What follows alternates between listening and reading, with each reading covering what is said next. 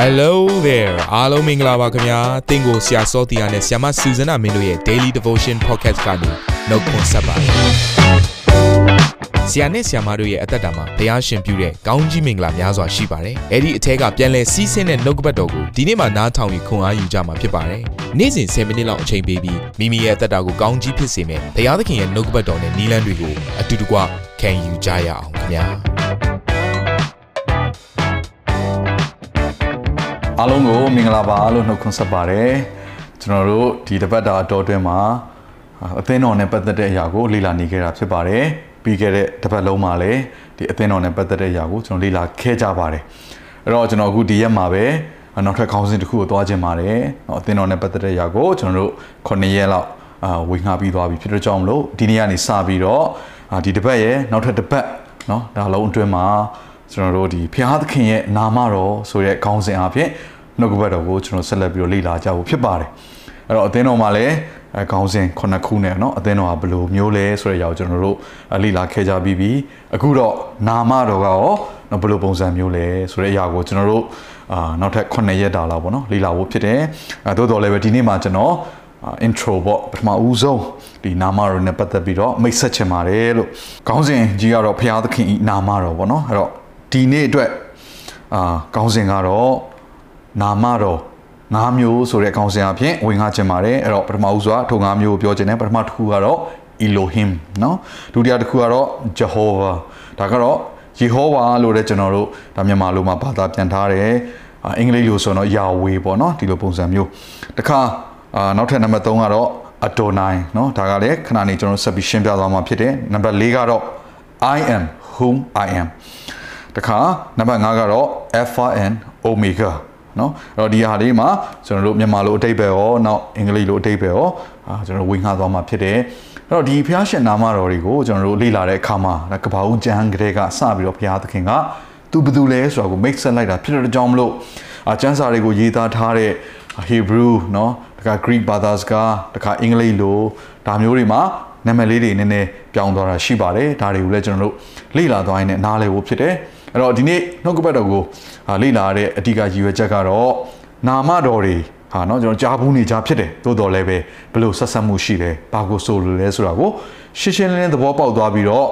နှုတ်ကပတ်တော်ဖတ်တဲ့အခါမှာနားလည်သွားဝင်အတွက်ဖြစ်ပါတယ်လို့เนาะဒါကြောင့်မလို့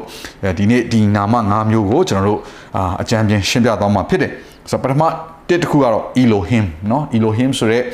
ဘုရားရှင်နာမတော်ကိုကျွန်တော်တို့ကပ္ပဦးကျန်ခန်းကြီးနှစ်အငယ်ခုနှစ်မှာ သူကတွဲလျက်တွေ့ရတယ်ဒါပေမဲ့ Elohim ဆိုတဲ့စကားလုံးကတော့အများကြီးပေါ့နော်ဒီကျွန်တော်ကျမ်းစာထဲမှာဆိုရင်အကြိမ်ပေါင်း2500ကျော်လောက်ကိုကျွန်တော်တွေ့ရတာဖြစ်ပါတယ်ကျွန်တော်ဖတ်ချင်ပါတယ်ထို့နောက်ထာဝရအရှင်ဖျားသခင်သည်မြေမုံဖြင့်လူကိုဖန်ဆင်း၍သူ၏နှာခေါင်းထဲသို့ဇီဝအသက်ကိုမှုတ်တော်မူလျင်လူသည်အသက်ရှင်သောတတဝါဖြစ်လေ၏အဲ့တော့ဒီနေရာမှာရေးထားတဲ့ထာဝရအရှင်ဖျားသခင်ဆိုတဲ့ဒီစကားလုံးဟာ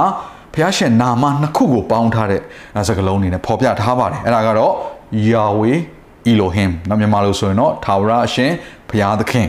အဲ့တော့ Yahweh Elohim ဆိုတော့ဒီနေရာမှာနာမည်နှစ်ခုတွေ့ရပါလိမ့်မယ်တစ်ခုက Yahweh နောက်တစ်ခုက Elohim အဲ့တော့ကျွန်တော်တို့ Yahweh ဆိုတာကတော့တူးတယောက်ရဲ့အတွက်သုံးတဲ့နာမည်ဖြစ်တယ်နော်အဲ့တော့ကျွန်တော်ရဲ့နာမည်ဒါကျွန်တော်ရဲ့ကိုယ်ပိုင်ဖြစ်တယ်အဲ့တော့ Yahweh ဆိုတဲ့နာမည်ဒီဒီဘုရားသခင်ရဲ့ကိုယ်ပိုင် personal name ဖြစ်ပါတယ်ဒါကြောင့်ဘာနားလဲရလဲဆိုတော့ကျွန်တော်ဘုရားသခင်ဟာ ပုဂ္ဂိုလ်ဖြစ်တယ်ဆိုတာကိုလည်းကျွန်တော်သိဖို့ဖြစ်တယ်အဲ့တော့ဘုရားသခင်ကပုဂ္ဂိုလ်ဖြစ်တယ်သူဖန်ဆင်းလိုက်တဲ့လူသားအာရန်ဟာလည်းပုဂ္ဂိုလ်ဖြစ်တယ်သင်နဲ့ကျွန်တော်ကလည်းပုဂ္ဂိုလ်ဖြစ်တယ်အရာဝတ္ထုတစ်ခုမဟုတ်ဘူး things မဟုတ်ဘူး person ဖြစ်တယ်အဲ့တော့ Yahweh ဆိုတာ person ပုဂ္ဂိုလ်ရဲ့နာမည်ဖြစ်တယ်ဘာပုဂ္ဂိုလ်လဲဘုရားသခင်เนาะအရာခတ်သိမ်းကိုတက်ဆွမ်းတော့ဘုရားအဲ့တော့ဘုရားသခင်ကအာသူ့ရဲ့เนาะသားသမီးတွေကိုစပြီးတော့လူတွေကိုရွေးချယ်ပြီးတဲ့အခါမှာမိတ်ဆက်တယ်သူကဘလို့ဖျားမျိုးလဲဆိုတဲ့အခါမှာနောက်ပိုင်းမှာသုံးလာတဲ့နာမည်ရှိပေမဲ့ Elohim ဆိုတဲ့စကားလုံးကတော့ဘုရားသခင်နာမနဲ့ပတ်သက်အကျိန်အများဆုံးသုံးတဲ့နာမည်တစ်ခုဖြစ်ပါတယ်အဲ့တော့ Elohim နဲ့ပတ်သက်ပြီးတော့လဲဒါဟာနော်ဘာကိုဆိုလိုတယ်ဆိုတာပို့ပြီးတော့နားလဲဖို့ဖြစ်တယ်။ဘာကြောင့်လဲဆိုတော့တချို့သောကျမ်းစာတွေမှာ Elohim ဆိုတာကကောင်းကင်တမန်တွေကိုလည်းသုံးပြန်တယ်။နတ်ဆိုးကိုလည်းသုံးပြန်တယ်။အဲ့တော့ Elohim ရဲ့တကယ်အတိတ်ပဲပေါ့နော်။ဒါကိုနားလဲဖို့လိုပါတယ်။သူရဲ့အတိတ်ပဲကတော့တကိုးနှင့်ပြည့်စုံသောသူတကိုးရှိသောသူနော်ဒါကို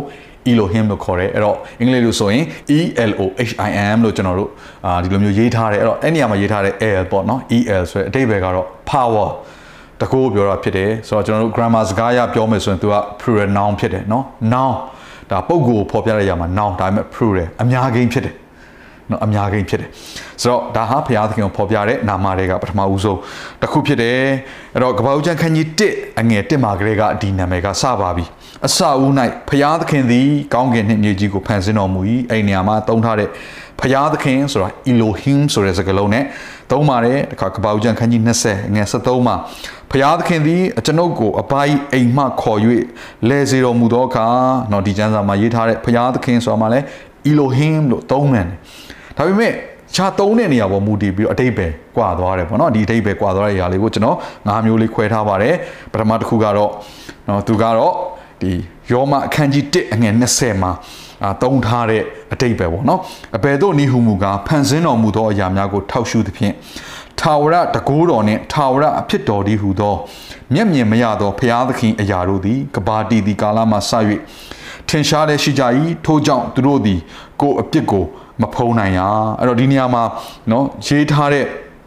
ထာဝရတကိုးတော်နဲ့ထာဝရအဖြစ်တော်ဒီဟူသောဆိုရက်ဒီအကြောင်းအရာဟာဘသူကိုပြောနေလဲဆိုရင်ဘုရားသခင်ကိုပြောနေတာဖြစ်တယ်เนาะ totality of the powerful one တကယ်ကိုတကိုးနဲ့ပြည့်စုံသောတူရီသောသူဆိုတဲ့အရာကိုဖော်ညွှန်းနေတာဖြစ်ပါတယ်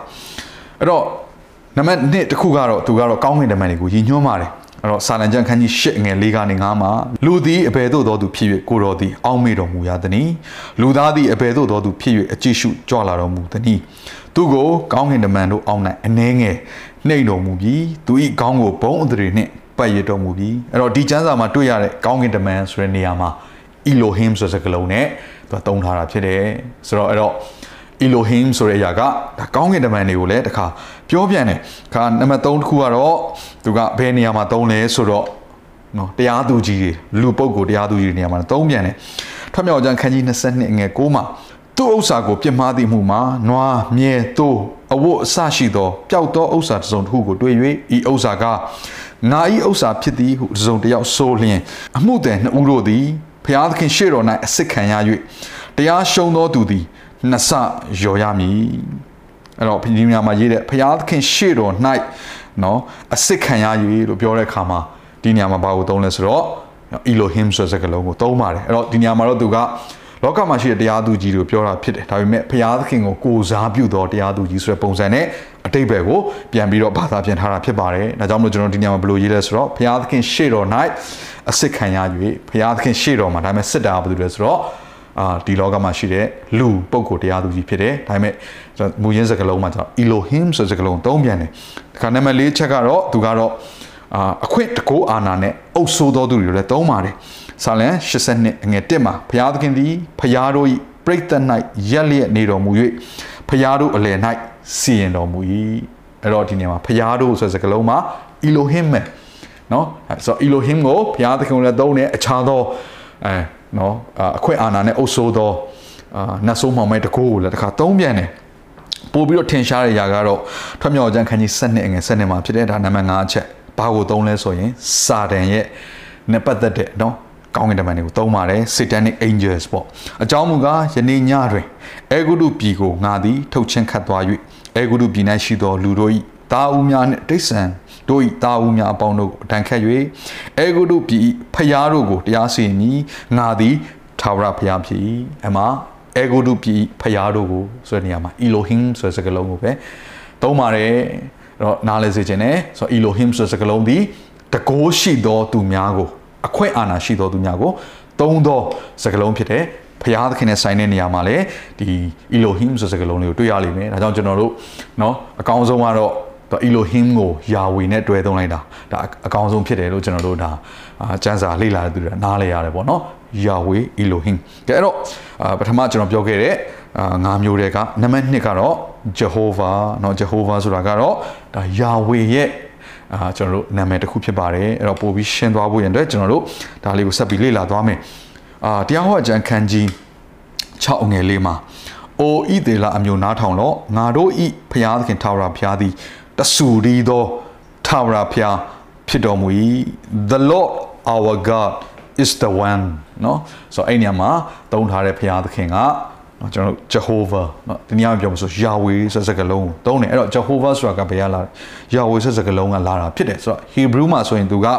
เนาะ Yahweh ဆိုတဲ့စကားလုံးကိုသုံးပေမဲ့ဒါကျွန်တော်တို့เนาะအခုဒီမှာအင်္ဂလိပ်လိုကြည့်လိုက်မယ်ဆိုရင် Y A H W E H ဆိုတော့ A တွေ E တွေပါတယ်ဒီနေရာမှာပြောမယ်ဆိုရင် ဒါကျွန်တော်တို့ vowel ပေါ့နော်အာ vowel တွေပါနေတဲ့သဘောပဲအဲ့တော့အဲ့ vowel တွေ a တွေ e တွေကိုဖြုတ်လိုက်ရင်မူရင်းစကားလုံး Hebrew ကျမ်းစာထဲမှာပါတဲ့အတန်ထွက်လေးကိုရတယ်အဲ့ဒါပါလဲဆိုတော့ယာလေတန်လေးအခုကျွန်တော်ပြောရတဲ့ယာနော်ဒီအတန်လေးပဲအဲ့တော့ဂျူးလူမျိုးတွေကသူတို့ဘုရားသခင်နာမကိုပြောတဲ့အချိန်မှာအတန်လုံးဝမထွက်ဘူးထွက်လည်းမထွက်ရဘူးဘုရားကိုယိုသေးတယ်လေးစားတယ်နော်ဒီနာမကကျွန်တော်နှုတ်ရှာပါဇက်က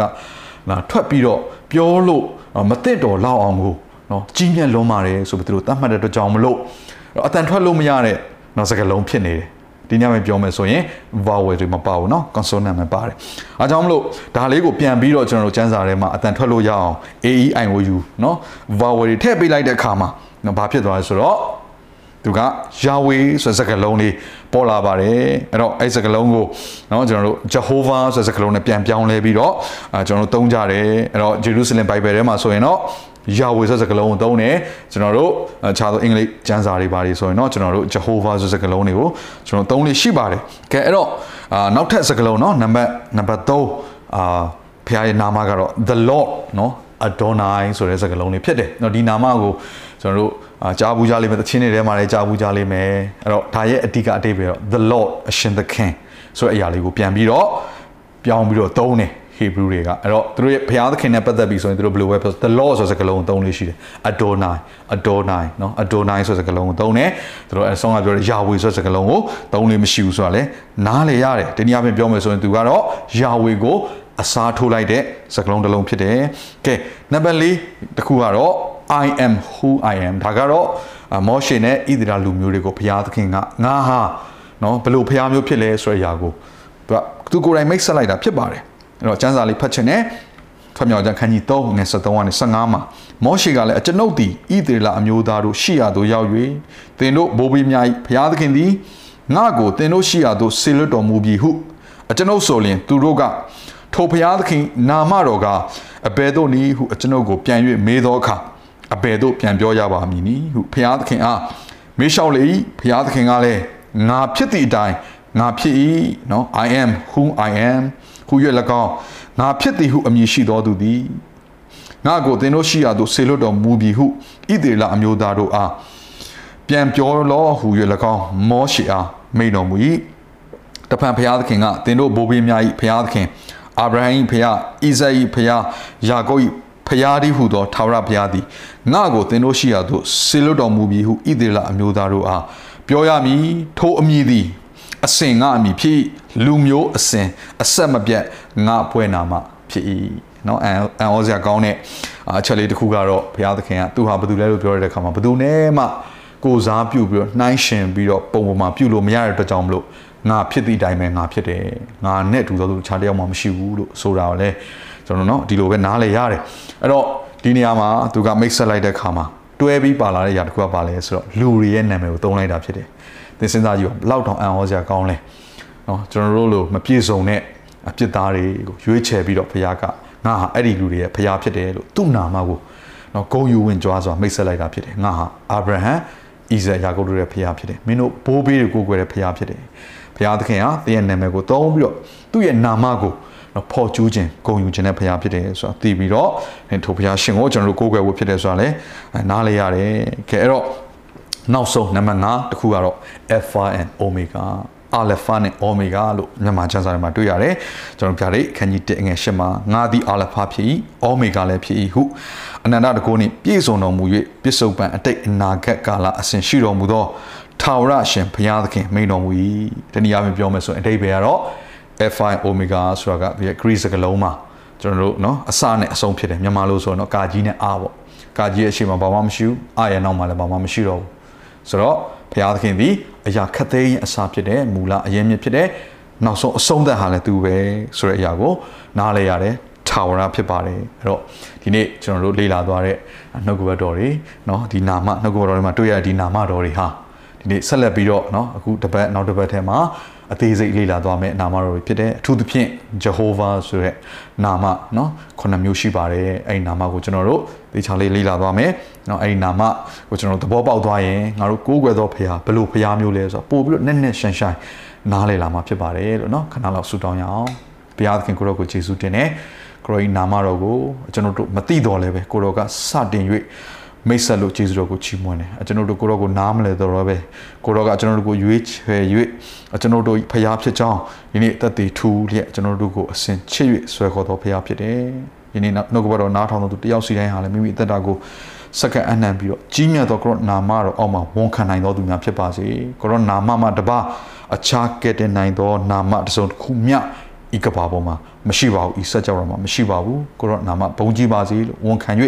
အသက်ရှင်တော် ယေရှုခရစ်တော်မြတ်သောနာမကိုအမိပြုလက်ဆုတောင်းဆက်ကပ်အနှံကြပါ၏ပါအာမင်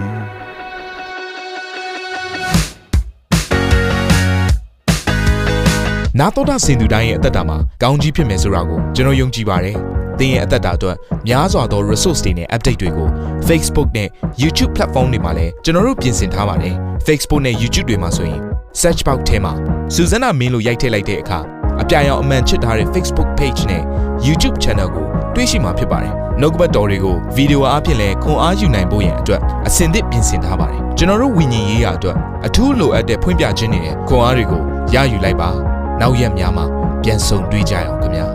အားလုံးကိုနှုတ်ဆက်ပါတယ်